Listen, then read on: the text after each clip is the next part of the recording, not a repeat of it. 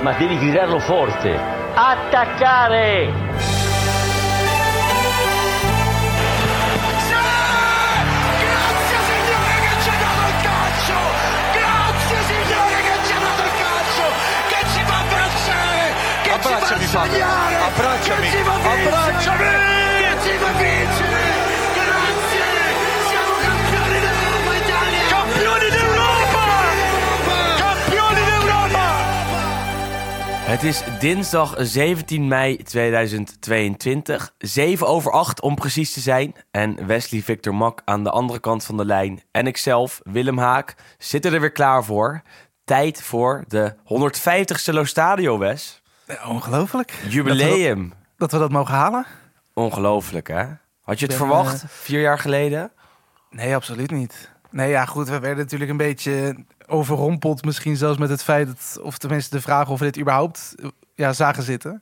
Mhm. Ehm, ja, ik, 150 is wel veel ook, hè?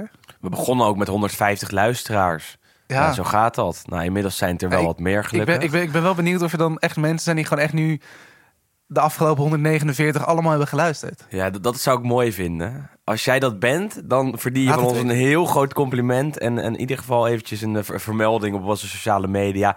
En in onze laatste twee afleveringen van dit jaar. Eh, we komen volgend jaar, volgende week komen we nog met een eh, seizoensterugblik natuurlijk. En we kijken even vooruit, nu al, dan al, op de Conference League finale tussen Roma en Feyenoord. Die wordt die donderdag gespeeld. Die woensdag gespeeld. In ieder geval die week gespeeld. En wij kijken even vooruit op, eh, op dat duel tussen die twee eh, hele mooie ploegen.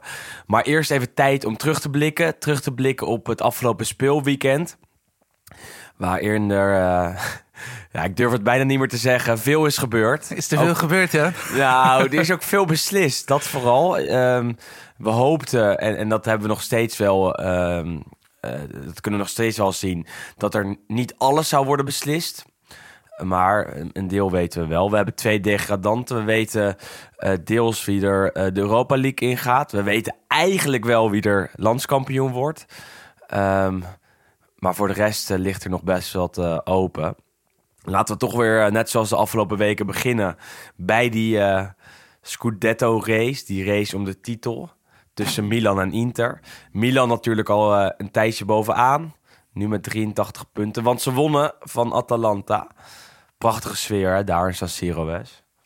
Ja, goed, we zeggen al het hele seizoen, denk ik, dat, eh, dat, dat de fans van Milan dit seizoen ook wel echt eh, flink hebben bijgedragen. Ook natuurlijk met de sfeeracties eh, in de uitwedstrijden met Lazio bijvoorbeeld. Maar ook vooral in eigen huis aan het, en het, het, het kookt daar echt. En je ziet echt dat die hele club snakt naar succes. En het is natuurlijk ook voor hen heel lang geleden. Het is 2010, 2011 het laatste kampioenschap. En eigenlijk daartussen hele ja, magere jaren gekend Droogte. Echt, ja, echt, een, echt een droogte. Zowel qua prijzen als qua überhaupt qua sportief succes. Ehm, en ja, je ziet gewoon dat die, ja, die hele stad, of tenminste ja, de halve stad. Nee, eh, niet de hele stad, nee, precies, precies. De halve stad die snakt naar, die- ja, die snakt naar die titel. En Ja. eh, ik denk wel dat dat ook vooral de aanwezigheid en, de, en deze manier van aanwezigheid van de fans, dat dat Milan ook wel heel vaak over een soort doodpunt heen, heen helpt. Want ja, wat we eigenlijk ook wel het hele seizoen zien, is dat het bij Milan ook echt niet altijd sprankelt. Ehm, maar dat ze uiteindelijk wel altijd die, die, ja, de wedstrijd over de, over de streep trekken. En ik denk dat dit ook een wedstrijd was waar dat een, eh, ja, mooi in naar voren kwam. Want het was eigenlijk bij rust 0-0 niet heel veel kans. Eigenlijk voor beide ploegen niet echt. En ja, praktisch de eerste kans in de tweede helft. Eigenlijk nadat misschien Fiorentina eh, hoopte een, een vrije trap te krijgen. Atalanta hoopte een vrije trap te krijgen. Ja, Laten we eh, daar, laten de we daar gelijk... suspect weer door. Laten we daar even bij stilstaan direct. Vind jij het een vrije trap? Pessina wordt daar eh, neergelegd, eh, hè, tussen aanhalingstekens, door Kalulu. Schreeuwt om een vrije trap. Krijgt hij niet van Orsato. En hij blijft liggen en hij zegt, ja, kom op man, dit is toch sowieso een vrije trap. Milan speelt door. Mooie lange bal van Messias op Leao. En Leao maakt af. Ja, en dan denk je, misschien gaat de VAR nog kijken. Eh, dat dachten ze daar eh, ja, ook wel een klein beetje. eh, toch, toch wel werd, werd toch in de gaten gehouden. Atalanta rende gelijk namelijk op scheidsrechter Orsato af.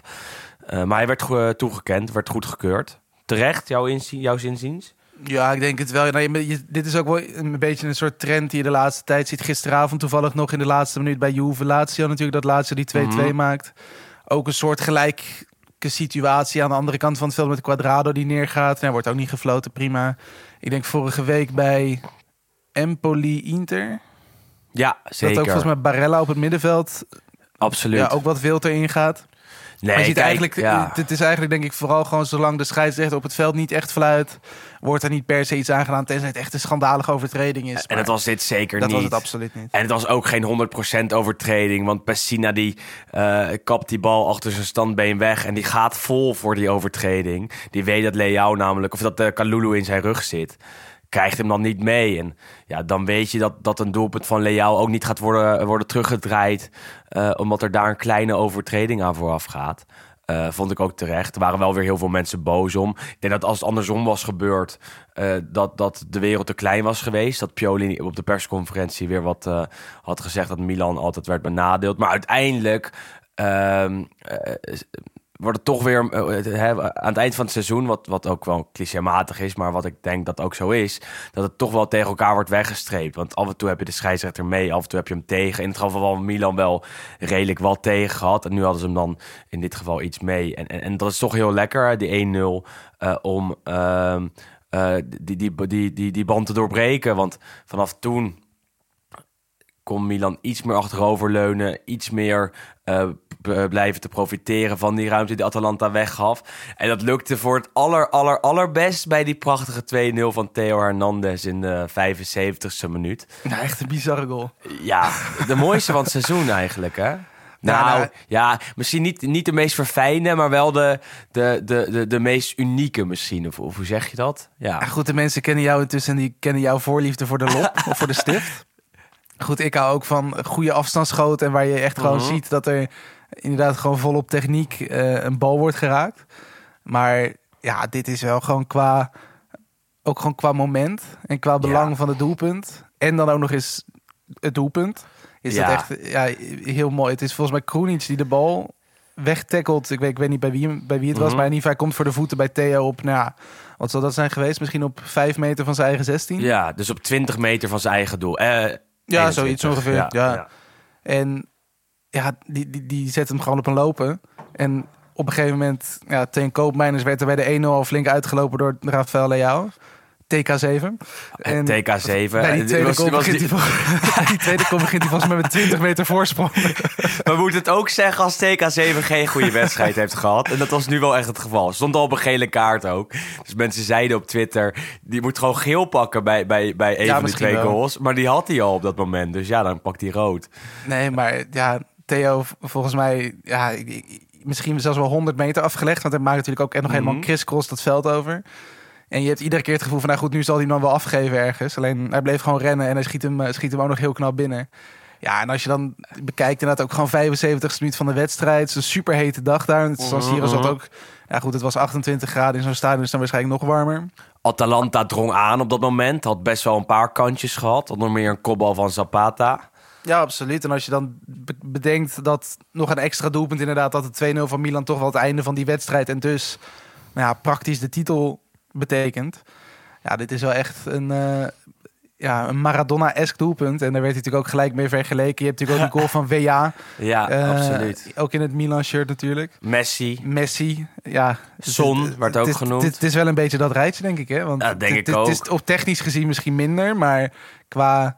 Ja, wat ik, wat ik, waar ik mee begon, het belang van het doelpunt in het moment. Ja, dit is, dit is echt een wereldgoal. Nou ja, en qua ehm, eh, wat we de afgelopen weken hebben gezegd, is het ook wel interessant, vind ik. We, we zeiden voorafgaand aan die moeilijke race, eh, of reeks van Milan, waar ze tegen Lazio moesten. Ze moesten tegen Fiorentina, tegen Verona, tegen Atalanta. Komende zondag tegen Sassuolo. Dat ze eigenlijk het best waren, of zijn, tegen ploegen die eh, het, het veld open laten liggen. Nou stond Atalanta natuurlijk met 1-0 achter op dat moment. Ehm gaf wat ruimte weg. En die ruimte kan dan zo fantastisch worden eh, benut door Theo Hernandez. En dat zag je terug in deze, in deze goal. Zodra er ruimte is, is hij op zijn best. Dan kan hij zijn rush gebruiken. Kan hij zijn eh, eh, techniek, die hij ook zeker heeft, nog beter gebruiken. En eh zoomt hij zo fantastisch op. En dat, dat zag je hierin terug. En dat zag je eigenlijk ook al bij die, bij die 1-0 van Leao. Waarbij Fiorentina, wel, Fiorentina, halen ze door de war met Fiorentina vandaag. Waarbij Atalanta veel ruimte weggeeft achter de verdediging. Uh, Leao kan worden weggestoken. En eh Leao de afgelopen weken telkens eh, van die ruimte kan benutten. En dat nu ook deed. En dat, dat, dat, dat, dat, dat is wel de kracht van dit Milan, hè, denk ik. Ja, absoluut. En, en ik denk dat dat ook sowieso wel iets is wat dit seizoen misschien wat duidelijker is. In ieder geval bij de echt twee titelkandidaten bij, bij Milan en Inter. Dat die ook echt heel veel spelers hebben die de diepte gebruiken. En dat zie je vooral bij Toepasselijk dit weekend. Ja, en dat zie je vooral bij Napoli en Juve wat minder, denk ik. Waar gewoon veel meer statisch wordt gevoetbald en meer de bal rondgaat. En, en, en op die manier wordt gespeeld. Maar je ziet bij, bij Inter natuurlijk met Dumfries aan die zijkant aan de ene kant, Perisic aan de andere kant. Maar eigenlijk ook nog wel met, eh, eh, met, met Barella en, en, en Brozovic die gewoon heel veel lopen ook natuurlijk. Mhm. En je ziet het ja, bij Milan wat je zegt, Leao natuurlijk heel goed aan de bal, maar ook goed de diepte in. En vooral Theo is denk ik wel echt het toonbeeld van gebruik maken van ruimte. Eh, niet per se qua passes of, of, of dribbles, maar ook gewoon vo- vooral gewoon met je lichaam. En Van een moderne linksback is het ja, eigenlijk. absoluut. Ja, en het is ja. En Heel hij knap. is, hij is verdedigend ook beter geworden dit jaar. En, en dat, dat zie je bij veel spelers van dit Milan. Dat ze gewoon binnen het seizoen veel sterker, veel beter, veel geconcentreerder zijn geworden.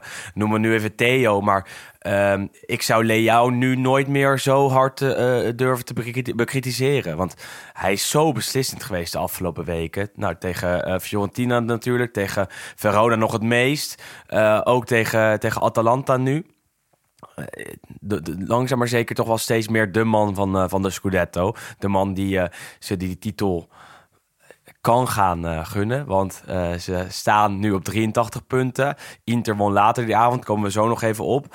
Eh, sfeer in, in, in, in, in San Siro ook na afloop fantastisch. Hè? Met Pioli is on fire. Eén kritiekpunt, als het mag. De wave. De Wave. We Was zagen de de wave wave. De wave Ja. was er. De Mexican wave. Die was er in de, nou, nog wel tijdens de wedstrijd, rond, rond minuut 85. Ja, daar heb ik zo'n hekel aan. Dat zie je alleen maar in het Nederlands elftal. Goed, het is dan al wel minuut 85. Hier in Nederland doen we dat. Nou, wat is het? Minuut 6, 7? Minuut 1, voor de wedstrijd we beginnen ermee. Ja. Ja, ja. En goed, het, het enige misschien wat je kan zeggen na afloop van dat, nou, tussen aanhalingstekens feestje bij Milan is dat je hoopt dan in ieder geval voor hen dat het wel goed blijft gaan. Want het is natuurlijk wel gênant. Stel je verliest van Sassuolo en Inter wint van Sampdoria volgende week. Dat is de enige combinatie eh, waarop Milan de titel nog kan mislopen. Eh, ja, dan is het wel lullig als je dan daar al zo half staat te springen. Ook als Pioli zijnde. En, en goed, het was natuurlijk de laatste thuiswedstrijd. Dus meestal wordt het natuurlijk sowieso iets Precies. ja, feestelijker afgerond. Maar je had hier toch al wel een beetje het gevoel dat er een soort voorschot, ja, een voorschot werd genomen op die titel. En het mag, Ja, maar het- als het dan mm. niet lukt, is het denk ik wel pijnlijk. Maar Het is goed, gevaarlijk. We zullen het is het, gevaarlijk. eh, en er zijn nog, ik, denk dat er nog steeds mensen zijn die denken: hè, Milan staat maar twee punten voor op Inter. Eh, en Inter heeft toch een beter doelsaldo. Dan, dan is Inter toch wel mijn overwinning en mijn gelijkspel van Milan kampioen. Dat is niet het geval. In Italië gaat het op eh, onderling resultaat. Dat gaat nog voor op doelsaldo. En Milan won dit jaar van Inter met 2-1. En speelde ook tegen gelijk met 1-1. Dus eh, heeft een beter, beter onderling resultaat dan, eh, of tegen hun stadgenoot. Dus die worden kampioen bij een gelijke stand. Zou nog kunnen dat ze op 84 punten eindigen allebei. Eh, dat kan omdat Inter zondagavond na Milan speelde. Er waren al wat ro- rood-zwarte fans van Milan naar de Piazza Duomo gegaan om die wedstrijd van Inter te kijken. Die dachten, als zij punten verspelen, zijn we er vast. Dan kunnen we hier een feestje bouwen. Eh, dat gebeurde niet, want eh Cagliari was eh, niet zo best. Nee, die, goed, die staan natuurlijk al op degradatie. Maar als je ze zo zag spelen, dacht je van, nou, die gaan gewoon direct de Serie C in. Want Dat sloeg echt nergens op, hè? die- ja, en die hebben dan nog een nieuwe trainer ook. Dus je zou toch verwachten dat daar een soort ja, schokeffect of, of, of iets dergelijks in zit. Maar dit, het was echt dramatisch hoe die voor de dag kwamen. Ze begonnen ehm, vol enthousiasme. Ik denk dat dat twee minuten duurde ongeveer. En daarna was Inter eh, heel lang veel beter. eh, resulteerde in een hele mooie 0-1 van Darmian in minuut 25. Daarvoor had Skriniar al gescoord. Dat doelpunt werd afgekeurd. Bij de wel echte 0-1 gaf wie anders dan Perisic voor. En eh, kon Darmian hem à la Cristiano Ronaldo bij de tweede paal inkoppen. Kwam echt heel hoog. Verwacht je bij hem eigenlijk niet. Het werd 0-2 door Lautaro Martinez, die een hele goede wedstrijd speelde. 1-2 Lico Giannis met een mooi afstandsschot. Ehm, en eh, uiteindelijk toch nog 1-3 voor, door, eh, door Lautaro voor Inter. Er- enigszins regulier, toch? Hè? Ja, nou ja, goed. Kijk, ik denk meer dat de druk er was in die eerste, nou ja, wat zal dat zijn dan geweest? Ja, die 20, 25 minuten. Dat ze natuurlijk wel aandringen en dan het doelpunt afgekeurd zien worden. Dat ze dan misschien een klein beetje op dat moment het gevoel hadden van, nou gaat het zo'n dag worden. Ja, Ehm, maar goed, eigenlijk vrij vlot ging inderdaad die, die 1-0 van Darmian erin. Ja, ja, toen was het ook echt wel klaar. Want Cagliari liet echt niks zien. En het, het- uiteindelijk dat, dat zondagschot van Lico Jannis... die waarschijnlijk wel in de Serie A blijft. Hoe dan ook. Want dat is denk ik wel een van de betere spelers... goede linker. aan de kant van Cagliari.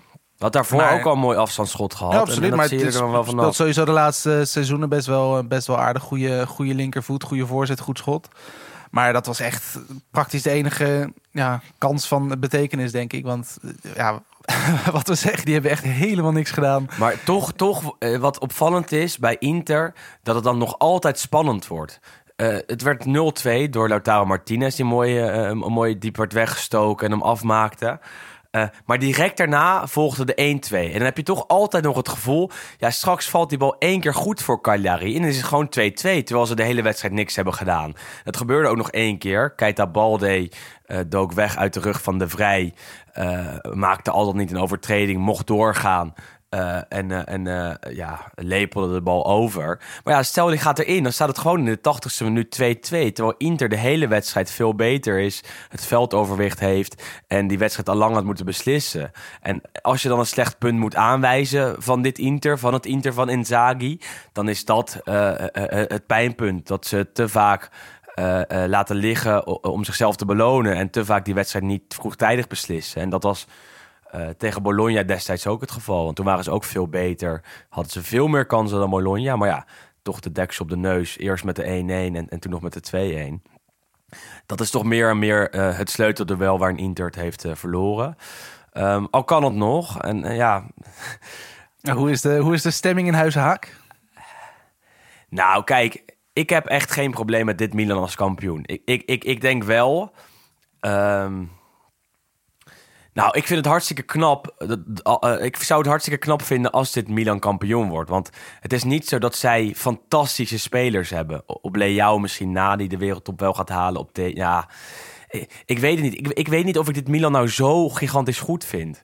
Dus in die zin eh, is er enigszins een, een, een, een een spijtgevoel waarvan ik denk, ja, dit Inter had altijd kampioen moeten worden met deze selectie die op papier beter is dan de selectie van Milan. Aan de andere kant hebben ze het zo fantastisch voor elkaar daar bij Milan. Heeft Pioli het fantastisch op de rit gekregen? Is het een echt elftal? Zijn zij dodelijk? Zijn ze efficiënt? Zijn ze verdedigend betrouwbaar? Zijn ze solide? En zijn ze mentaal goed? Dus er is gewoon niks op de titel van Milan af te dingen. Dus wat dat betreft denk ik, ja, eh, ik vind het mooi dat Milan terug is. Zometeen voor het eerst sinds 2011 die titel gaat pakken. Ehm, ik gun het Sander Jonkman. Ik, ik, ik gun het eh Rood-Zwart Milaan. Ik gun het mezelf wel wat meer eh, om Inter kampioen te zien worden zondag in San Siro.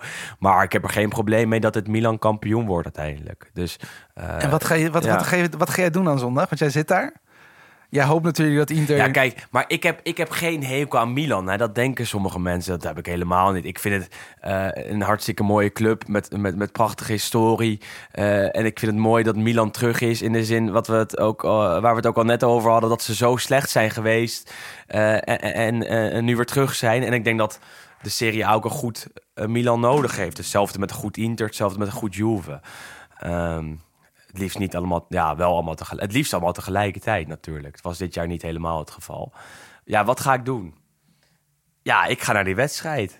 Ja, maar ik bedoel, want de bedoeling is volgens mij dat als Milan inderdaad dan niet verliezen bij Sassuolo, dat ze dan daarna natuurlijk nog terugkeren naar San Siro. Ik weet, Ja, ik, ik weet niet, heb je daar informatie over gegeven? Moest je- Nou, mag je blijven zitten? Of? Het is verbazingwekkend dat die wedstrijd op 6 uur is vastgesteld. Ik had namelijk gelezen en ik was er heilig van overtuigd dat allebei die Scudetto-wedstrijden, dus die van ehm, Milan bij Sassuolo en die van Inter thuis tegen Sampdoria, om drie uur zouden worden gespeeld. Dat, dat, dat was ook in de pers te lezen, zodat San Siro nog zou kunnen worden leeggeveegd na de wedstrijd van Inter. eh, omdat Milan daar nog wordt gehuldigd dan die avond. Ehm, maar ja, dat, dat, dat, dat wordt nu eh, misschien wel moeilijk. Ik bedoel, die, wedstrijd is, eh, die wedstrijden zijn om zes uur. We gaan er even in dit scenario vanuit dat Milan gewoon kampioen wordt. Dan moeten al die 80 80.000 Inter-fans, want San Siro is uitverkocht, moeten weg. Zo snel mogelijk, denk ik. Eh, en dan moet Milan nog op zondagavond worden gehuldigd in San Siro. Ik denk dat dat wel gebeurt. Ik heb er nog geen informatie over gekregen. Maar dat zou het logische scenario zijn. Ehm, en we moeten ook niet vergeten dat ze in Milaan wel gewend zijn om laat te huldigen. Want toen Inter de Champions League won in 2010... kwamen ze nog s'nachts terugvliegen uit Madrid. Daar werd de finale toen gespeeld. Toen werden ze nog s'nachts gehuldigd in San Siro. Om, om, om zes uur eh, 's ochtends dus eigenlijk. Dus ja, ik denk dat Milaan er misschien helemaal geen moeite mee heeft... als Milan straks terugkomt uit ehm, Reggio Emilia... en dan om ehm 11 uur daar wordt gehuldigd in San Siro. Zou dat Ja, nou goed, ik zijn? denk, het is sowieso... Een wedstrijd is klaar rond een uur of acht dan waarschijnlijk. Nou, kleedkamergedoe. Waarschijnlijk wordt daar nog een klein feestje. Ik neem aan dat de trofee wel daar wordt uitgereikt al. Ja, die Ehm, gaat erheen. Dat, dat, dat is zeker. die, die zal sowieso meegaan. Dan is Ja. volgens mij nog een ritje van, ja, wat zal het zijn? Twee uur? Reggio Emilia naar Milaan? Met de trein gaan ze, denk ik, ja. Ja, dan zal het misschien iets sneller zijn. Maar ik denk, ja, op 11 uur zal wel op, de, op vroeg zijn. Maar ik denk ook, op zich is dat ook natuurlijk ook wel leuk. hè. Een beetje extra sfeer zo s'avonds. Dat, eh, Absoluut. Dat kan geen kwaad, denk ik. Absoluut. En, en de Milan-fans zullen op dat moment al lang feest hebben gevierd. Die gaan natuurlijk naar Piazza Duomo, wat eigenlijk altijd de plek is waarop eh, de titels eerst worden gevierd. Daarna worden de spelers meestal gehuldigd in San Siro. Dus je hebt wel duidelijk twee plekken eh, eh, waar die fans zullen verzamelen. En ja, de, de reden dat die wedstrijden niet op zaterdag worden gespeeld, is een concert eh, op Piazza Duomo van, eh, van, van zaterdagavond. Eh, waardoor de Milanese autoriteiten er bang voor waren dat het ehm, eh, verkeerd zou gaan. En dat er allemaal Milan-fans daar naartoe zouden gaan en daar de openbare orde zouden verstoren. Of Inter-fans dus. Gezondheid. Ja, die moeten we er misschien wel uitknippen. ja. Je laat lekker zitten. Nou, eh, dus toen dachten ze, nou dan zetten we die wedstrijd op zondag, kan het niet op zaterdag. Ja, wat wel misschien wel wat problemen gaat veroorzaken. Het is allemaal heel krap. Ook omdat er maandag al een benefietwedstrijd in San Siro is. Benefietwedstrijd van eh, Samuel Eto'o. Waar Pirlo komt, Snijder, Dybala in San Siro. Misschien niet voor het eh, laatst. Ehm, dus ja, dat, dat, eh, dat, dat is wel een interessante planning. Jouw geld, heb je, krijgt van mij nog 100 euro om nu extra in te zetten. Gaat op Milan, dan neem ik Ja, aan. goed, nu, nu gaat het wel op Milan. Maar ja, Ja, nee, je hebt goed volgehouden. nee, ja, ik blijf het gewoon voorhouden. Ja, nee, terecht. Nou ja, goed, ja. nee, kijk. Ja, ik heb eigenlijk gewoon ook echt een, een- op. Dit is denk ik echt, denk ik, de eerste keer dat ik denk dat Milan kampioen wordt. En dat is, dat is heel gek, maar dat is hetzelfde wat jij eigenlijk zegt. Je hebt niet het gevoel dat. Tenminste, het is echt razend knap wat ze doen dit seizoen. Maar je hebt eigenlijk geen enkel moment het gevoel gehad dat Dit is de kampioen. Een beter. Nee, dat, ja, ze, stra- ze straalde het dan wel uit in, in, in, in zekere zin. Maar je hebt toch niet het idee gehad dat dit nou echt de allerbeste spelers van Italië waren. En de allerbeste trainer en de allerbeste. Dat, Nee. dat niet. Want je ziet in ieder geval bij Inter zie je al natuurlijk een betere selectie. Ehm, ik denk dat er ook wel objectief gezien wat trainers boven Pioli staan. In ieder geval voor dit seizoen. Dus eigenlijk. Ja, en, en ook die reeks waar je het over hebt natuurlijk. Met, met Fiorentina, Lazio, Atalanta. En nu dan Sassuolo nog. Ja, ik had echt wel verwacht dat die punten zouden liggen. En het maakt het knapper, maar ook eigenlijk gek dat je pas in, tenminste ik in ieder geval, pas in speelronde 38 ongeveer, of tenminste na 37 durft toe te geven dat dit Milan inderdaad wel eens kampioen kan worden. Want dat had ik eigenlijk het hele seizoen niet echt gedacht en ook niet echt gevoeld dat het zou kunnen eigenlijk. Je spreekt veel mensen die eh, Milan kijken en niet geloven dat dit de nummer 1 van Italië is. Maar ja, ze zijn het wel. En ze hebben het zelf voor elkaar gekregen. En ze eindigen straks misschien op 86 punten. Wat een heel mooi Scudetto-nummer is. Dat is, dat is niet fantastisch veel. Hè? Eh, Napoli eh, werd een aantal jaar geleden eh, geen kampioen met meer punten. Maar het is wel terecht als je, als je dan bovenaan staat. We moeten niet vergeten dat het nog mis kan gaan. En Juriaan van Wessem benoemt in zijn column waarom.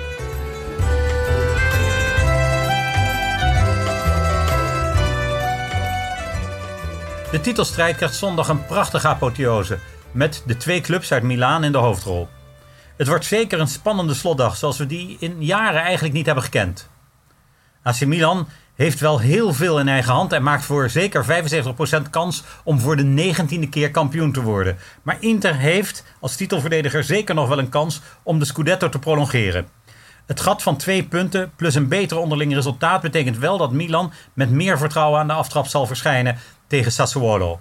Maar die club was nog niet zo lang geleden de grafkelder voor trainers van de Rossoneri. En in dit seizoen is het zelfs de meest onberekenbare ploeg van de Serie A. Het won beide wedstrijden in San Siro.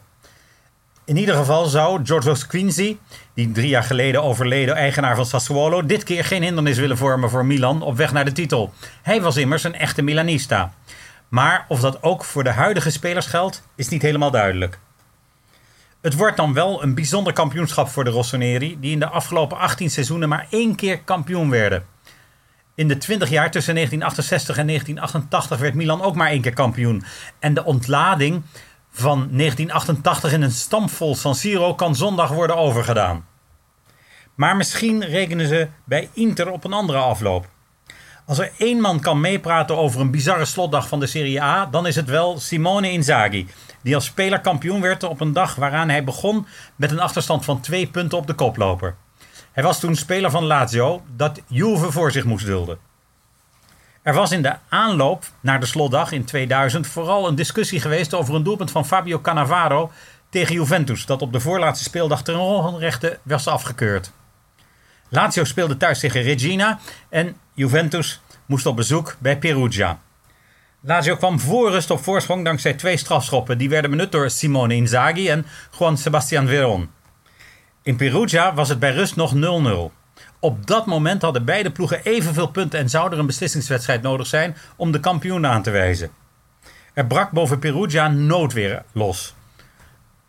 De tweede helft kon daar daarom niet beginnen. In Rome werd er wel afgetrapt en Lazio won uiteindelijk met 3-0. Maar in Perugia werd pas weer afgetrapt toen het duel van Lazio al bijna was afgelopen. Natuurlijk bleven de fans van Lazio in het stadion. Vooral ook toen uit de luidsprekers het nieuws kwam dat Alessandro Calori had gescoord voor Perugia. Opeens was Lazio virtueel kampioen. Er zou die middag niets meer veranderen, terwijl in Rome iedereen naar het radioverslag luisterde. Opeens was Lazio kampioen, de meest onwezenlijke landstitel ooit. Inzaghi zal dit zijn spelers in de komende week vaak vertellen. Er zijn voldoende ploegen die op de laatste speeldag van de tweede naar de eerste plaats klimmen. Juventus lukt het zelfs twee keer vanaf de derde plaats. Het wordt dus spannend en Sassuolo en Sampdoria kunnen zeker een interessante bijrol spelen. Kan Milan de druk aan? Stefano Pioli kent het klappen van de zweep. Een beetje weliswaar als speler. Hij pakte in 1986 de landstitel die al door AS Roma triomfantelijk werd gevierd, maar werd verspeeld met een 3-2 thuisnederlaag tegen het toen al gedegradeerde Lecce. Roma zag een inhaalrace van vier maanden in rook opgaan. Juventus werd een week later in Lecce kampioen. Bij Roma hebben sommige spelers er nog altijd hoofdpijn van. Pioli was toen nog de jongste bediende in de ploeg van Giovanni Trapattoni. Maar ook voor hem geldt jong geleerd, oud gedaan.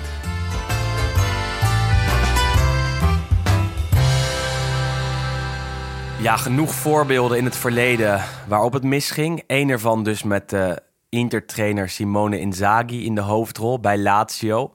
Zou hij er nog in geloven met zijn Inter? Ja, goed, als je gisteren de, de interviews na afloop hoorde wel. Want hij haalde ook direct deze wedstrijd aan. Ehm, dus ja, ik denk dat hij er nog wel in gelooft. Maar ik kan, me, ik, kan me, ik kan me voorstellen dat heel veel mensen intussen ook wel een beetje, in ieder geval ook aan de Interkant, toch een beetje de hoop hebben, hebben opgegeven. Want Het borrelt nog wel een klein beetje. Ik moet, ik moet Ja, echt goed, heel kijk, eerlijk de- zijn. de- Ik de- probeer het echt allemaal weg wel. te drukken, maar het is er echt nog wel een klein beetje. ja, de kans is er wel. En je, het is echt niet dat, dat Sassuolo zomaar verslagen wordt. Maar alle we moeten hoop op een beetje, We moeten ook wel een beetje reëel zijn. En ja, ik denk dat het, eh, ik denk dat het Milan wordt. Nee, dat denk ik ook. Eh, maar de hoop ligt er dat eh, Berardi, Interista, iets doet. Raspadori, Interista, iets doet. Scamacca, misschien in de toekomst ook voor Inter spelend, iets doet. Maar je weet het niet. Ze hebben genoeg spelers die het Milan lastig kunnen maken. En we moeten ook niet vergeten dat Sassuolo eerder dit jaar won bij Milan. En een reuzendoder is, want ze wonnen ook bij Inter eh, en ook bij eh, Juventus. Vertel dat nog maar een keer. Ja, toch? Ja. Ja, vertelt mezelf, vertelt mezelf om mezelf in slaap te krijgen s'avonds. Om toch nog naar Milaan af te reizen. Nee, grapje. Ik, eh, ik gun het eh, Milan echt. En ik probeer altijd eh, zo onpartijdig mogelijk te zijn. Maar ja, je hebt nou eenmaal een clubvoorkeur. Vind jij dat je een clubvoorkeur mag hebben als journalist? Nou, absoluut. Maar goed, Ja, daar, ontkom, daar ontkom je niet aan. Het is heel menselijk, toch? Ik bedoel, het zou heel ja, robotachtig zijn als je zou zeggen van nou, het is eh, ja, je mag niks, eh, je mag niks voelen of je mag niks vinden. Zo begint het allemaal, toch? Ik denk dat onze liefde is begonnen... Onze liefde voor, voor het Italiaanse voetbal is begonnen voor, eh, bij het kijken naar je favoriete team. En dat, dat, dat gaat gewoon nou maar zo. En ik denk dat het bij heel veel journalisten zo is. Hebben het al een keer eerder over gehad, maar dat is altijd een, eh, ding dat terugkeert naarmate het seizoen vordert. Ja, en jij hebt het wat lastiger gehad dit jaar. Juve gisteren tegen Ja, vertel mij wat. Ja, we, gaan nu een, even, eh, we gaan even naar, die, naar het afscheid natuurlijk, maar ook naar de Europa League plekken. Maar ja, jij Ja. eerst. Ja, het was een eh, ja, niet zo'n leuk seizoen. Maar gisteravond was ja, een soort culminatie van alles wat er eh, ja, dit seizoen ook een beetje is misgegaan. Vooral natuurlijk rondom het, het afscheid van Dybala. Ehm ja, het was, het was een hele gekke, gekke avond. En je merkt het eigenlijk aan alles. Dat was natuurlijk al de hele dag, of eigenlijk de hele week. Dat je wist van, nou goed, Chiellini kondigt natuurlijk aan dat dit zijn laatste wedstrijd zou zijn bij, eh, bij Juve. Eigenlijk laatste thuiswedstrijd. Maar goed, ik neem aan dat hij niet meer meegaat naar Fiorentina volgend weekend. Dus eigenlijk ja, die hele avond, gisteravond op een maandag, eh, stond in het teken van hem. Eh Dybala wist natuurlijk al iets langer dat hij weg zou gaan. Ehm, maar dat zou dus ook ja, zijn laatste thuiswedstrijd zijn. Dus daar kan dan ook weer wat extra druk bij kijken. Ja, goed, toen begon natuurlijk gisteren al met het, met het shirt. eh, waar natuurlijk de, de Chiellini-logootje op, eh, op, op werd gezet. Het hele stadion natuurlijk een, een hele mooie tifo-actie voor Chiellini. Zijn ze En- normaal niet zo goed in hè, bij Juve met die Nee, ze doen, ze doen het niet heel vaak. Ehm, echt alleen voor eh, ja, de wat grotere spelers in het verleden is, is dat wel eens gebeurd. Volgens mij ook mee. Ik kan me nog wel van Mandzukic een groot eh, spandoek herinneren. Dat hij ook werd Mhm, mhm. geëerd als krijger, zeg maar. En met die letters gaat het ook soms mis. Ja, het is niet altijd even, even succesvol. Ze stonden nu ook volgens mij gevoelsmatig niet helemaal mooi na- naast elkaar. Maar het was in ieder geval een, goede, een hele goede poging. Nee. Precies. En, en het was te Ja, zien in ieder geval. Ja, absoluut. En je speelde tegen Lazio, een ploeg die nog wel echt ergens om speelde. En dat is natuurlijk bij Juve is het al een tijdje, is dat, is dat weg. Natuurlijk, ja, vorige week tegen Genoa natuurlijk een beetje die wanprestatie in de laatste seconde. Dat ze uiteindelijk Mhm. verliezen. Bekerfinale na verlengingen verloren. Ja, daar Eh, hebben we nog, ni nog niks Daar over hebben we nog niks gezegd. over gezegd. Maar goed, ja, ik denk dat de Inter ook gewoon terecht weer die beker wint.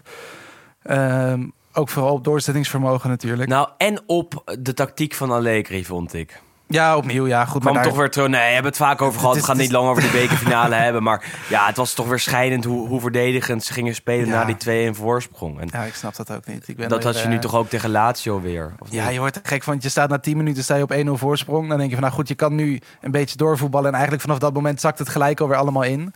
Ehm, en gelukkig werd het dan even onderbroken door het, door het moment van Chiellini. Dat, dat in ieder geval de, ja, de afleiding van het slechte spel. Want het was echt dramatisch weer gisteren. Eh, er toch weer was. Want Chiellini werd er in de 17e minuut van afgehaald. Eh 17e minuut omdat hij 17 jaar bij Juve heeft gespeeld. Eh, kwam in 2005 toen nog met haar eh, over van Fiorentina. En is intussen echt wel uitgegroeid tot in ieder geval een clubicoon. 540 of 5, nee, 560 wedstrijden uit mijn hoofd. Ehm, ja, gigantisch veel prijzen gepakt. En ik denk echt dat het een van de grootste Juventus-spelers uit de clubgeschiedenis is. Is hij de beste centrale verdediger van Italië of van de Italiaanse velden van de afgelopen 15 jaar? Ja, absoluut. Na Maldini? Niet, niet, niet alleen de Italiaanse velden, denk ik. Nee. En ik zei het gisteren op, op Twitter. Ik denk dat hij, denk ik, de, een van, misschien zelfs wel alle tijden hoor. Maar in ieder geval een beetje in de moderne historie misschien wel de allerbeste pure verdediger is. Als je gewoon echt puur kijkt op, op man dekken en ja, verdedigen. Eh, want je hebt, we hebben natuurlijk andere verdedigers gehad met, weet ik veel, Sergio Ramos. Die natuurlijk ook aanvallend en voetballend veel Mhm, beter waren. mhm.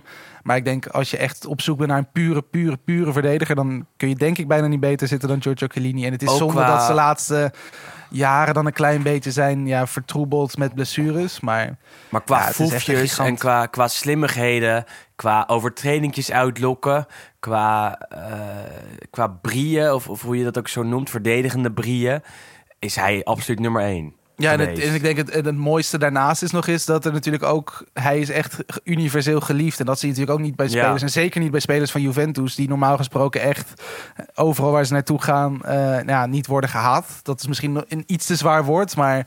En je Sommigen, ziet- Sommigen zeker. Maar je ziet bij Giorgio Chiellini dat hij eigenlijk gewoon universeel geliefd is. En dat zelfs nu fans van Milan en Inter en Napoli gisteravond... met, met steunbetuigingen en halve odes eh, eh, komen voor hem.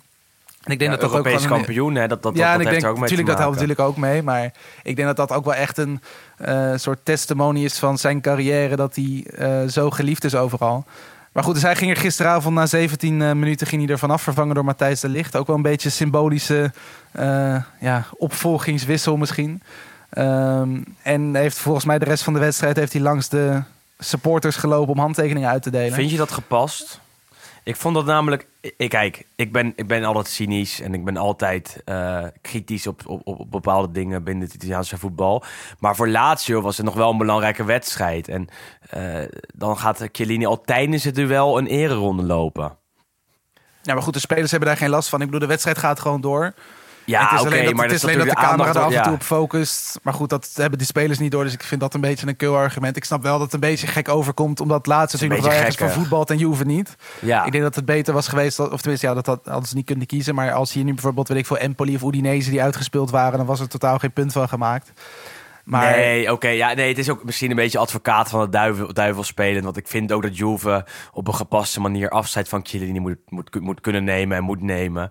Alleen, ik las er veel over en, en ik zag het ook voor mijn neus gebeuren. En ik dacht, ja, er zit wel wat in, hè. Er zit Nee, maar ik wel denk wat ook in niet, dat, je- is, dat, ja. dat is denk ik ook wel het grappige. Ik denk dat dit meer een soort idee was van Chiellini... wat uiteindelijk in de tweede helft nog door die Bala wordt overgepakt. Want Ja. ze hebben natuurlijk voorafgaand aan de wedstrijd... met die patch en met het, met het tifo... dat was natuurlijk eigenlijk het, het, ja, het soort van eh, eerbetoon en na de wedstrijd. En dus Maar ik denk gebeurde- eigenlijk dat Juve zelf niet echt per se... het idee had om tijdens de wedstrijd daar ook iets aan te doen. Ik Het denk gebeurde dat dat ook met, eh, met Del Piero toen en met, eh, Ja. met Buffon. Die deden Ja. eigenlijk hetzelfde. Al Ja. waren dat wel duels waar er niks meer op het spel stond. En Juve volgens mij al lang en breed kampioen was. Ja, dat is nu niet het geval.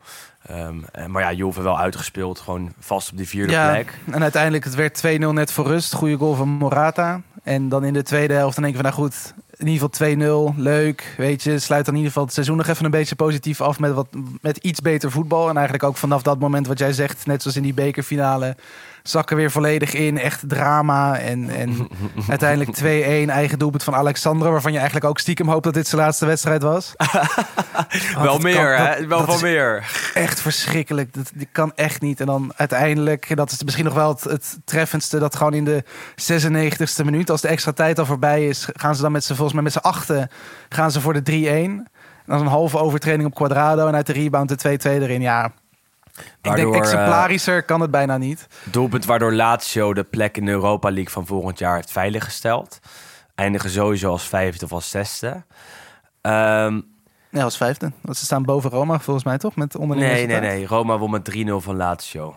De, de terugwedstrijd. Oh ja, nou, Lazio won met gezegd. 3-2. Nee, de onderling resultaat kan eh, Roma nog eh, langs Lazio. Er staat best wel wat eer op dat, op dat gebied op het spel. Maar we gaan er wel van uit dat, dat Lazio volgende, volgend speelweekend een punt pakt tegen Verona. Dan zijn ze inderdaad vijfde. Ehm, na afloop is er vooral aandacht voor Chiellini. Voor het afscheid van eh, ja, de beste centrale verdediger van Juve van de afgelopen 20 jaar. Eh, van de aanvoerder. Maar de man die de meeste goals eh, heeft gemaakt, bij elkaar opgeteld in het, in het stadium, is Paulo Dybala. Nam ook afscheid. Zijn contract loopt af aankomende zomer, over een maandje dus. Was weinig aandacht voor vanuit de club, maar vanuit de fans des te meer. Veel eh, applaus. Werd er door zijn spelers naar voren geduwd en barstte in tranen uit. Is het dan nog wel een gepast afscheid voor hem? Of, of, of, of had je gewild dat de club daar ook wat meer aan had gedaan? Ja, eigenlijk toch wel. Het, voelde nu gewoon een beetje gek, omdat je weet dat er twee spelers afscheid nemen. Dat er eigenlijk vooral werd gefocust op één. Nu denk ik wel dat het zo is dat die Balen nog wel gewoon gaat spelen tegen Fiorentina aanstaande zaterdag. Ja, oké. ja. Dus dat dat misschien een klein beetje voor de club het, het ding was van... nou goed, Chiellini nemen we dan nu afscheid en die Bala doen we dan dit weekend. Alleen goed, dat is dan natuurlijk in een uitwedstrijd je en bij Fiorentina. Dus ik denk dat dat ook natuurlijk wel anders is. Maar goed, dat kun je ze inderdaad wel kwalijk nemen. Maar ja, je kunt eigenlijk de hele situatie met die Bala dit seizoen de club kwalijk nemen. Want je hebt, ja, hij is echt een van de iconen van het moderne Juve in ieder geval.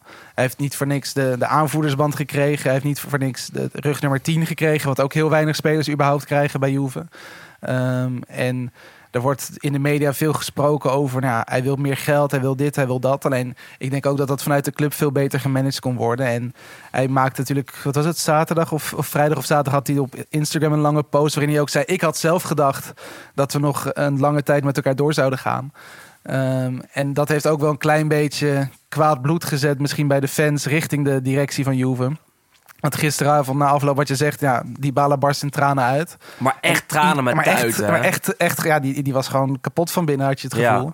En dat, dat was ook wel een, een mooi beeld tegelijk met dat het ook natuurlijk ook een triest beeld was. Maar ook het feit dat iedere keer als Agnelli of de andere directeuren van Juve op het beeld verschenen, daar werd keihard uitgefloten. Dus de fans nemen het ook echt wel de club kwalijk dat die Bala op deze manier vertrekt. Stel, stel eh, ze zouden hem alsnog een contractaanbieding doen. Hè, wel voor een dik salaris, want daar ging het natuurlijk wel deels om. Eh zou hij die ondertekenen, denk je? Ja, ik, ik, als je hem gisteren ziet, dan denk ik van wel. En ik het ik, ook, ik, heb ja. stiekem, ik heb stiekem nog wel de hoop. Maar echt een, heel klein sprankje hoop dat ze het toch nog doen. Maar ik, ik, ja, ik, ik begrijp ook gewoon niet zo goed waarom ze het überhaupt die aanbieding niet hebben gedaan. Want dat is natuurlijk het verhaal dat ze wisten dat ze een, een, een lager salaris zouden moeten aanbieden. En dat ze dat niet wilden, hem niet wilden aandoen.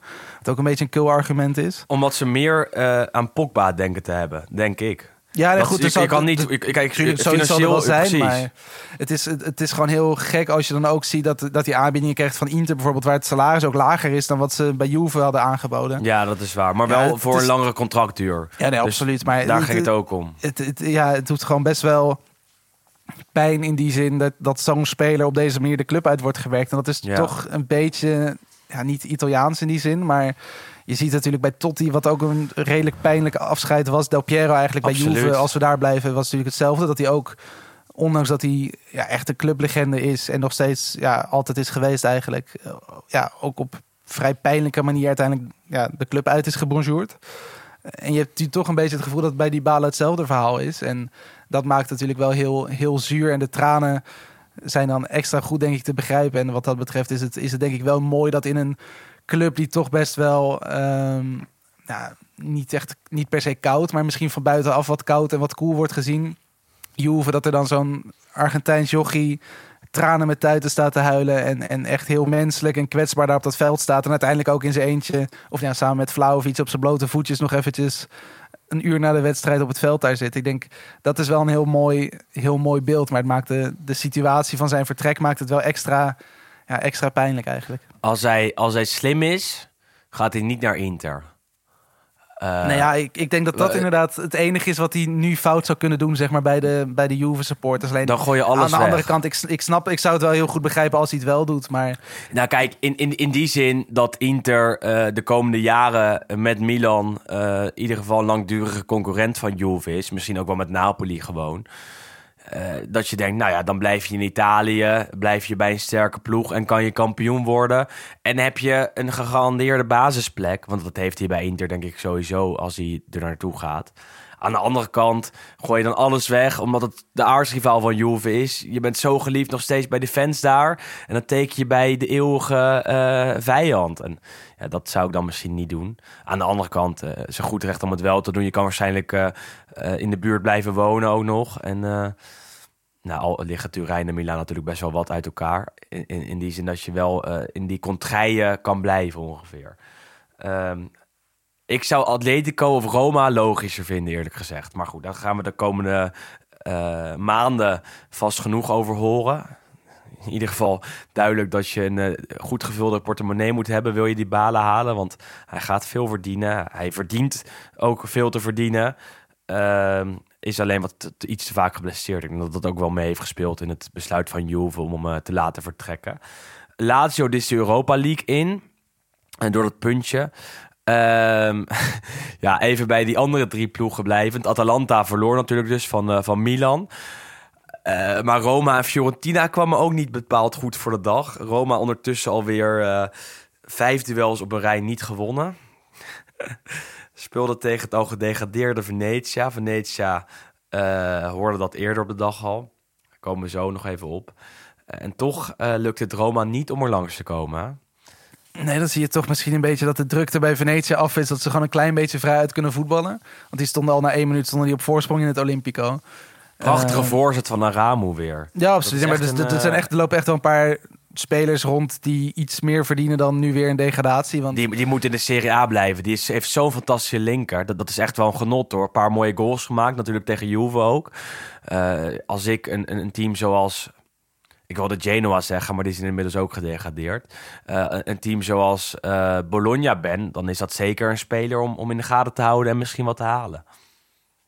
Ja, nee, absoluut. En, en ik, ik denk dat er inderdaad wat meer spelers rondlopen die echt nog wel een, een kans maken om volgend seizoen ook in de Serie A te voetballen. Maar ja, wat Roma aan het doen is, dat is natuurlijk ook wel eens, de meest, ze zeggen wel eens dat de slechte generale natuurlijk een goede, eh, ja, goede afloop biedt voor dan de, de echte première. Maar als je op deze manier zo die, die Conference League finale ingaat, dan denk ik ook dat vanuit de fans dat er niet heel veel vertrouwen is. En vanuit Maar de Feyenoord fans juist extra veel. Het een heeft wel met het ander te maken. Ik denk dat de- die aandacht bij Roma toch al wel deels bij die Conference League finale ligt. En dat is echt wel problematisch. Want als ze zo doorgaan, hebben ze straks geen Europees voetbal via de Serie A. En verliezen ze die Conference League finale tegen Feyenoord. En dan heb je dus al helemaal geen Europees voetbal. Eh, en dan speel je volgend jaar niet eens in die Conference League. Dus wat dat betreft eh, is het voor Morio een zaak om komend weekend to- toch nog iets voor elkaar te krijgen. En vrijdagavond bij Torino te winnen. Torino het wel al eens uitgespeeld. Eh, maar dit was, dit was gênant. Want Venetia kon in de laatste seconde ook nog die 1-2 maken. Het is dat Pellegrini fantastisch redden. Ehm, terwijl Haps die bal had, moeten, had kunnen inschieten. Ehm, ja, het werd daar 1-1.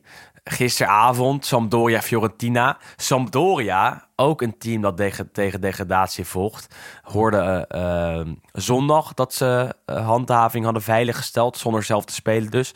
Konden gisteravond vrij uitspelen tegen Fiorentina. En ook dat was te zien, want eh, ja, daar was het hek van de dam. Het werd namelijk 4-1 voor Samp tegen Fiorentina. Eh, Fiorentina dat ook gênant was. En, en dan kijk je naar de Europa League plekken.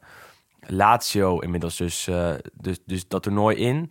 Eh, Roma 60, Fiorentina 59 en Atalanta ook 59. Eh, is dat nou spannend? Is dat nou spannend? Zo'n zo'n strijd Ja, de goed, het, Europese het, het, plekken? het is toch wel spannend. Maar goed, als iedereen blijft verliezen, dan verandert er niks aan die spanning, Nee. denk ik. En, en Lazio loopt dan nu weg met een punt, kun je nagaan. Knap van eh, Sarri, hè? Dat, dat moeten we ook ja, wel nee, even dat, benadrukken. dat, dat wel. Maar het is inderdaad wel op deze manier. Je verwacht toch dat zeker in die laatste wedstrijden van het seizoen, als natuurlijk echt de, de, de spanning hoog is, eh, verwacht je dat ook dit soort ploegen gewoon het beste van zichzelf geven. En net zoals wat je ziet in de titelstrijd, waarin zowel Inter eigenlijk als Milan alles blijven winnen, Mhm, ehm, mhm. verwacht je dat natuurlijk ook ja, net iets lager dan in die strijd om de Europese plekken. Alleen iedereen verliest daar. Het seizoen Eh, duurt te lang. Voor Fiorentina ja, al helemaal. Want die, die zijn de afgelopen weken gewoon echt gênant slecht. Behalve tegen Roma. Maar ja, als je met 0-4 verliest van Udinese en met 4-1 van Samp... Ja, dan verdien je eigenlijk dat Conference League ticket niet. Kort door de bocht, maar... eh, heb jij een voorkeur bij Roma, Fiorentina en Atalanta? Voor Ik de zou, het, ik zou het wel leuk vinden als Fiorentina weer een keer Europa ingaat. Maar ja, Ja. kijk, met dit soort dingen, het is ook gewoon denk ik het belangrijkste dat gewoon de beste ploeg daar naartoe gaat. Alleen, ik denk, ja, op dit moment is het gewoon best wel lastig om te zeggen wie van die drie ook echt de beste ploeg is waar die in Europa ook iets voor elkaar zouden En kunnen voor boksen. komend seizoen hetzelfde verhaal. Want Fiorentina kan investeren, gaat investeren. Ja. Atalanta is nog maar de vraag hoe die uit de komende zomer komen. En Roma is er altijd wel. En die presteren Europees gezien wel altijd. Dus, Dus wat dat eh, betreft ja. zou je misschien je, je geld zetten op Roma, die natuurlijk ook inderdaad nog via die Conference League kunnen halen. Ja, of, of hopen dat Roma achtste eindigt. eh, zodat je een, een extra team in, eh, in die Europese toernooien hebt. Als Roma de Conference League wint. Ja, Ja, dat heb je. Ja. Want dan ga je, dan ga je met acht teams Europa in. Alleen tijdens die Conference League finale ben ik wel voor, eh, voor Feyenoord hoor. Denk ik. Of ben je voor Roma? Jij bent voor Roma natuurlijk hè? Ik, ik hou me eventjes... eh, Nee, ik ben eigenlijk, ik ben even. 50-50. Ik zou het allebei hartstikke mooi vinden. Ja, ja, precies. Dat is Maar, eh, maar ik zou het ook mooi vinden als, als eh, Rotterdam op zijn kop staat. Aan de andere Ja. kant hetzelfde voor Roma. Want eh, ja, eh, bij, bij, bij Roma winnen ze ook niet zoveel prijzen. Eh, dat gaan we nog in de gaten houden aankomend weekend. Dus, dus echt wel wat eh, eh, spanning ook daar op het spel. Eh, helemaal onderin is hetzelfde eh, het geval. Ehm, we zien eh, al twee degradanten. Venetia speelde dus 1-1 gelijk bij Roma. Wist al eh, dat ze gedegradeerd waren op dat moment. Dat komt door de uitslag bij eh, Empoli tegen Salernitana. Dat werd namelijk 1-1.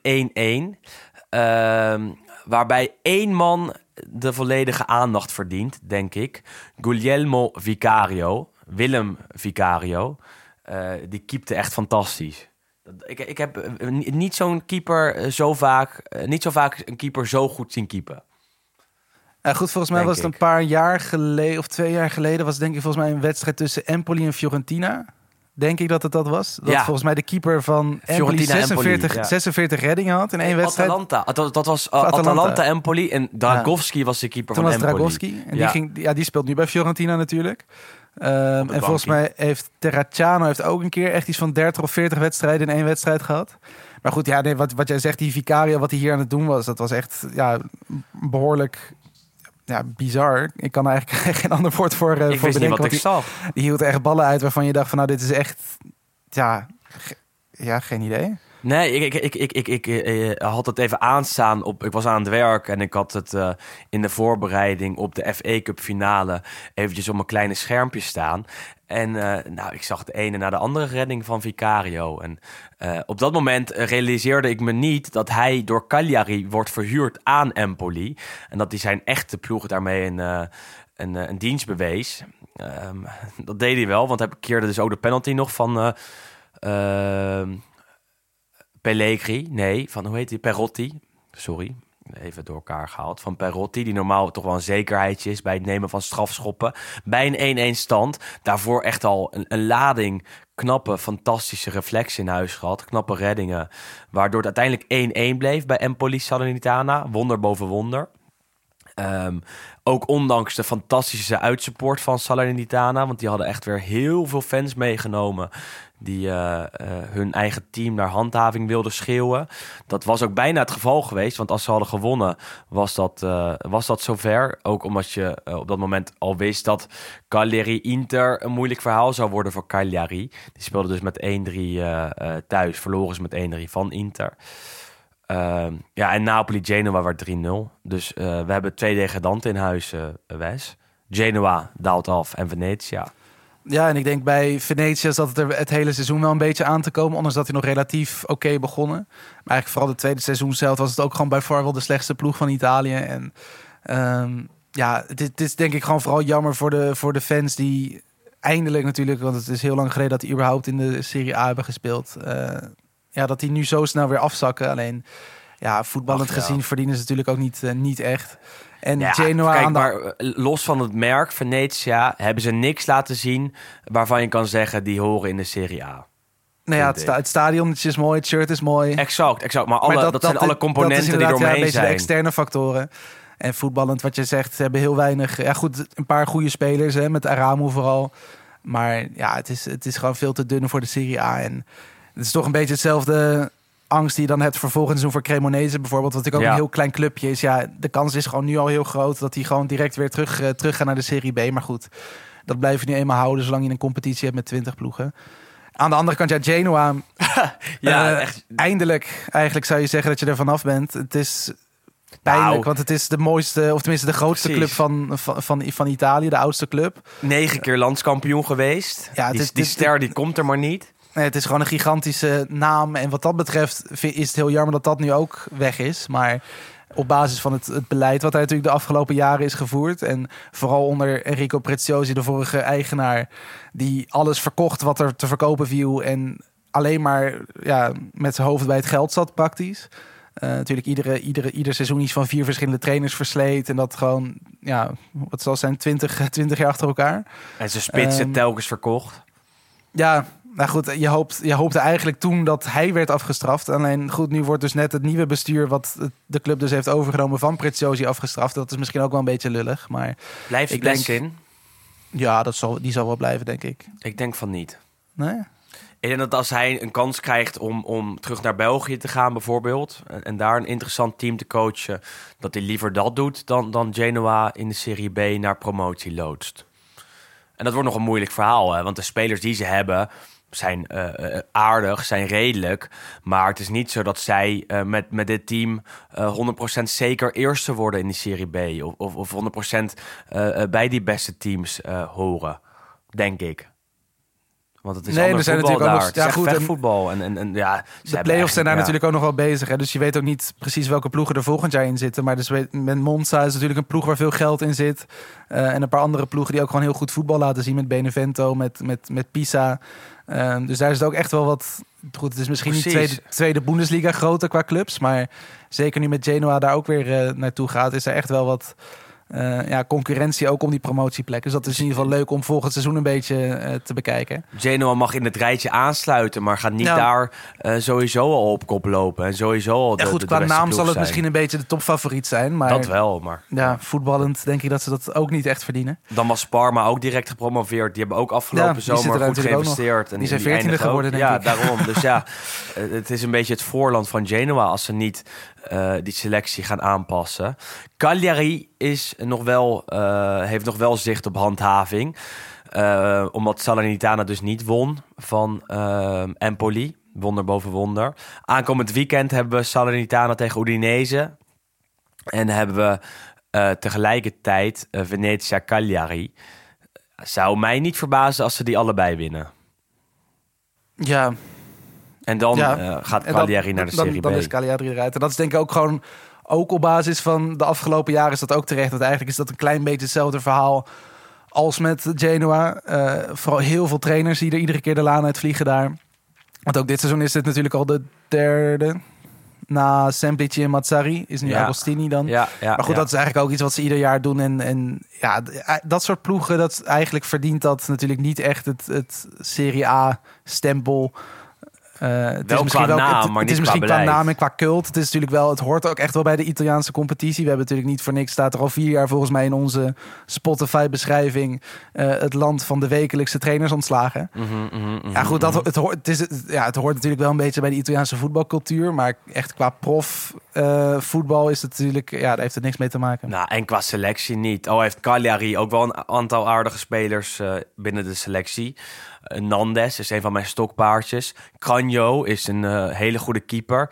Eh Marien, dat zijn allemaal namen die nog wel in de serie, serie A verdienen te blijven. Maar ja, met de prestaties van nu, niet met Cagliari. Want heel veel van die spelers eromheen bakken er gewoon helemaal niks van. En nou, als je naar deze selectie kijkt, denk je wel, hoe kunnen die in hemelsnaam onder Salernitana of Spezia eindigen straks? Maar dat gaat misschien dus wel echt gebeuren. Eh, ook aankomend weekend nog eh, de beslissing daar. eh, op, op zondagavond, dus na die strijd om de Scudetto. Ehm, ja, nog een afscheid afgelopen weekend. We worden iets langer dan normaal vandaag weer. Maar deze man verdient ook absoluut om even besproken te worden. Alsof dat een hele grote beloning is, maar goed. Ehm, Napoli-Genoa stond eigenlijk ook vol in het teken van het afscheid van Lorenzo Insigne. Die gaat vertrekken, vertrekt naar Toronto. Ehm, mocht een penalty nemen, schoot hem tegen de paal. eh, waarna hij er wel in ging. Maar toen moest hij opnieuw worden genomen. En toen scoorde Insigne wel. Ja, Wel het, het toepasselijk. Was, wel- het was wel toepasselijk, inderdaad. Ja. Het is toch allemaal. Ja, het, het- natuurlijk voor Napoli is het een hele grote speler geweest. Maar je hebt toch het gevoel altijd een beetje gehad dat er zo wat meer in zat. En dat hij toch niet Precies. echt, echt top is geweest. En dat is voor hem persoonlijk ook gewoon zonde. En ik denk dat dat ook wel een beetje het. Ehm, het zegt natuurlijk ook wel wat dat hij op relatief jonge leeftijd nu naar Toronto gaat. Dat zegt denk ik heel veel over zijn carrière. Van Onvolmaakt. je had, je, ja, onvolmaakt. Hij had toch gewoon niet alles eruit wat erin zit of wat erin lijkt te zitten. Ehm, maar goed, hij kreeg uiteindelijk, werd ook net zoals bij de Chiellini en, en die balen redelijk in het zonnetje gezet. Kreeg een, eh, een shirt met eh, zijn, eh, zijn, zijn rugnummer en wat was het, 433 wedstrijden die hij volgens mij speelde voor de club. Mhm, mhm. Hij kreeg een schilderij met allemaal foto's. En hij kreeg een verschrikkelijk lelijke beker die even groot was als hij zelf. nou is dat natuurlijk bij Insigne niet zo moeilijk. Maar dat was ook wel weer heerlijke Napolitaanse kitsch. Ehm, Nou, en een terecht mooi afscheid. Want Ja, hij heeft absoluut, wel veel betekend voor Napoli. Oké, eh, misschien geen eh, landskampioenschap met ze veroverd. Maar is wel de afgelopen tien jaar telkens goed geweest. Of in ieder geval ehm, eh, voor het grootste deel een belangrijke sleutelspeler geweest bij, bij, bij hen. Dan denk ik, ja, als jongen van de club verdien je dan ook een mooi afscheid. En bij hem heb ik wel het idee dat, dat, dat hij ook nog wel twee jaar had kunnen blijven. Maar dat het niet veel beter was geworden bij, bij, bij Lazio, eh, bij Napoli. Dat je denkt, ja, eh, was wel voor hem tijd voor een nieuwe stap.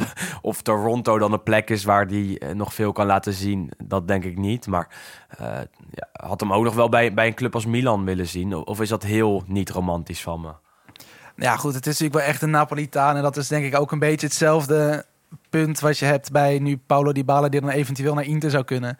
Ehm, Gooi je het weg. Je, je doet ook gewoon echt iets af zeg maar, aan de rest van je carrière... als je dan nu op dit moment nog is besluit om dan weg te gaan. En zeker als het dan nog eens transfervrij is. Kijk, als je nou nog eh, ja, een soort van ja zegt op een bod van 80 miljoen... Kijk, dan kun je er denk ik ook nog wat beter in komen. Maar Dat om is transfervrij over te stappen naar een andere club... die een beetje in dezelfde... eh, ja, Ja, hetzelfde segment van de, van de ranglijst speelt.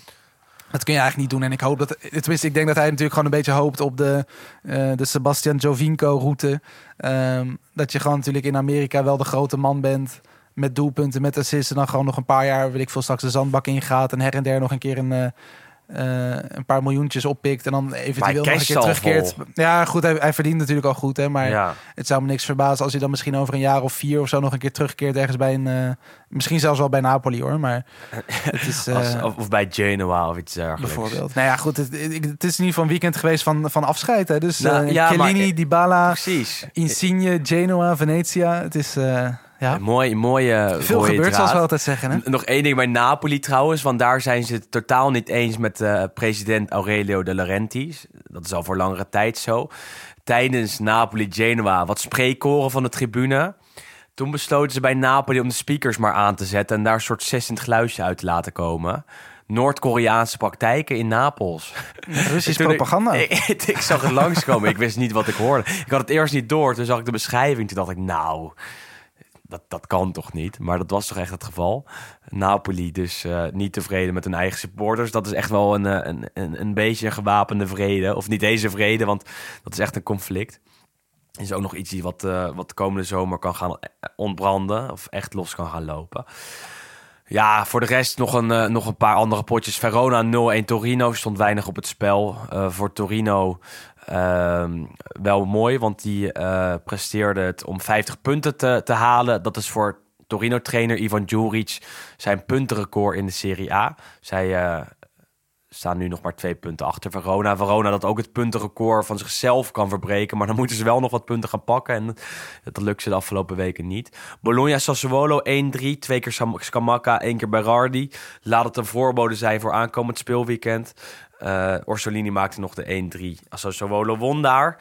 Ehm, en dat zijn alle potjes van afgelopen speelweek. Hebben we nog één speelronde te gaan. Speelronde 38, waarin we gaan zien wie de titel gaat pakken. Waarin we gaan zien wie als laatste ploeg naar de Serie B degradeert. En gaan we ook zien ehm, wie eh, Europa ingaat. Ehm, in ieder geval voor even, want als Roma die Conference League wint, dan eh, verandert dat misschien nog iets. Ehm, ja, zin in, Wes?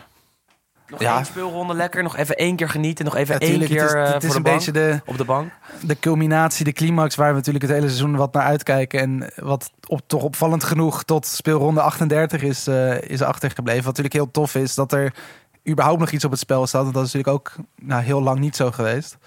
Ehm, dus alleen wat dat betreft is het natuurlijk al mooi. En het feit dat ze natuurlijk ook de, ervoor hebben gekozen om nu dan niet alles tegelijk te doen. Want dat hebben ze natuurlijk ook wel eens gedaan. Eh, dat er gewoon op zondag alle drie of alle tiende wedstrijden om eh, eh, wat is het om Drie drie uur was het dan zo, meestal. ja. Eh, maar dat je nu inderdaad nog wel iets meer de kans hebt om ook wat meerdere wedstrijden te kunnen kijken. Ehm, dus onder andere dus om zes uur die titelstrijd. eh, en om negen uur daarna nog de degradatiestrijd. Dat, dat maakt het denk ik ook gewoon voor de televisiekijker maakt het dat eh, ja, leuk. Dus ik, eh, ik kijk er zeker naar uit. Ik ook. Ik ook. Ik ook. Ik ga naar Milaan dus. dus eh, Ja, ik, goed. eh, ja, hoeveel je heb- mee gaat krijgen van die andere wedstrijden, dat Nee, zal misschien dat een is beetje tegenvallen. Maar Ik heb in ieder geval een feestje voor de boeg. Of het nou eh, ja, met rood-zwart Milaan is. ja, precies. nee, maar zeg ik, het eens, wat de, de laatste voorspellingen van dit seizoen aan kampioen? Kampioen wordt Milan en als laatste degradeert Cagliari en Fiorentina en Roma gaan Europa in. Nou. Jij ook? Ben ik het mee eens. Nog even snel wat luisteraarvragen. Hè? Daar, eh, anders vragen we die voor niks. Ik Instagram, jij Twitter? Yes, even kijken. Nou goed, de eerste vraag die al direct, volgens mij voordat we het vroeg over bij kwam, was natuurlijk ook over die balen van, is die nou geslaagd of niet? Absoluut. Ja, nou ook daar heb ik een klein beetje van, er zat meer in. I- Ik ook, ik ook, Maar ik ook. Want hij is heel heeft vaak... hij wel veel meer bereikt, denk ik, dan menigeen heeft gedaan. En zeker ook als je kijkt naar doelpunten en eh, prijzen die hij natuurlijk heeft gepakt, kun je op basis daarvan wel zeggen dat hij geslaagd is. Maar je hebt toch altijd het gevoel gehad dat er wat meer in zat. Hij werd de nieuwe Messi genoemd. En dat is hij echt niet geweest. Zo dwingend was hij absoluut niet bij Juve. Hij is wel een periode heel sterk geweest. Vooral die corona-periode. Waarna hij ook eh, tot speler van het jaar van de Serie A werd gekroond. Maar voor de rest is hij toch, toch wel redelijk vaak eh, geblesseerd geweest. En eh, had ik nog net iets meer van hem verwacht. Neem niet weg dat, dat zijn doelpunten tegen Barcelona in de Champions League... en wat, wat andere prachtige goals eh, voor altijd zullen eh, blijven worden herinnerd. Alleen ik had nog net, net iets, iets, iets meer van hem verwacht. Dus, maar ja, voor de rest wel een fantastische speler geweest voor Juve. Moeten we niet vergeten. Ehm, gaat Sassuolo het laten lopen zondag? Ja, ik zou niet weten waarom. Nou, ze hadden een eigenaar die voor Milan was. Giorgio Quincy, die ze heel groot heeft gemaakt. Maar die is een paar jaar geleden overleden. Als hij nog aan het roer had gestaan, had ik niet uitgesloten dat, dat er iets, hè, iets rustiger aan was gedaan. Eh, Italiaanse praktijken. Maar nu, nu denk ik dat Sassuolo er nog gewoon voor gaat. Ook al spelen ze nergens meer voor. Ehm, en nog een vraag. ehm, even kijken. Is het seizoen van Roma geslaagd als ze de Conference League winnen? Ik denk voor. Ja, goed, het, ook, ook dat is denk ik misschien een beetje lastig. Want je zegt toch op basis van je goed, je haalt Mourinho. Je hebt natuurlijk best wel wat goede spelers erbij. In, in ieder geval met Tammy Abraham. Dat je zou zeggen, er zat meer in dan. Nou goed, op dit moment staan ze natuurlijk eh zesde. Dus op zich valt dat nog mee. Maar ze zouden eventueel natuurlijk achtste kunnen worden. Dan zou je misschien wel een beetje kijken van, nou goed, Roma achtste, dat is wel heftig.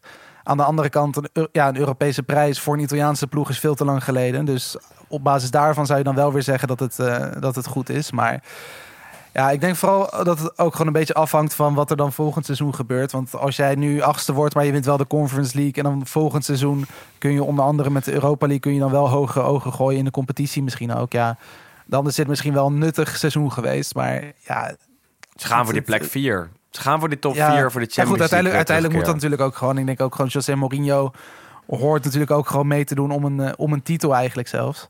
Ehm, Vindt hij zelf ook. Benadrukt Vindt hij hij zelf bijna heel erg, nee, ja, dus... Ja, ik vind, het, ik vind dat vind ik wel lastig, lastig in te schatten. Maar ik denk dat de prijs, mochten ze de Conference League winnen... dat het wel veel, eh, veel vergoedt. Dat was hem voor deze week. Tien over negen inmiddels. Ehm, de 150ste Lo Stadio in de ge- geschiedenis. Ehm, bedankt voor het luisteren. Bedankt voor jullie aandacht. Bedankt voor jullie liefde voor het Italiaanse voetbal. Bedankt FC Afkikken en Friends of Sports. Bedankt Harmen Ridderbos voor het mixen en monteren van deze podcast. Bedankt Wesley Victor Mak voor je aanwezigheid. En bedankt Willem Haak. voor eh, mooi. Het voor jouw mooie mooi. Zoetgevoiste stemgeluid op de, op de Dankjewel, ochtend. dankjewel, dankjewel. Nog twee afleveringen te gaan hierna. Volgende week de gigantische terugblik op het eh, Serie A-seizoen. Waarschijnlijk ook weer met de Lo Stadio Awards. Die eh, jullie zelf ook kunnen invullen. En waar jullie mee kunnen doen. En met een vooruitblik op eh, de Conference League finale tussen Roma en Feyenoord. Een aparte aflevering. We zijn niet zo commercieel, maar als we commercieel kunnen zijn, zijn we het wel. En dat gaan we rond de Roma Feyenoord dan ook eh, absoluut zijn. Voor nu bedankt voor het luisteren. We horen en zien jullie graag eh, volgende week terug. En daarna hopelijk ook volgend seizoen. Want eh, nou, de kans dat we doorgaan is, is heel groot. Wesley, alla prossima. Willem, tot de volgende. Yo.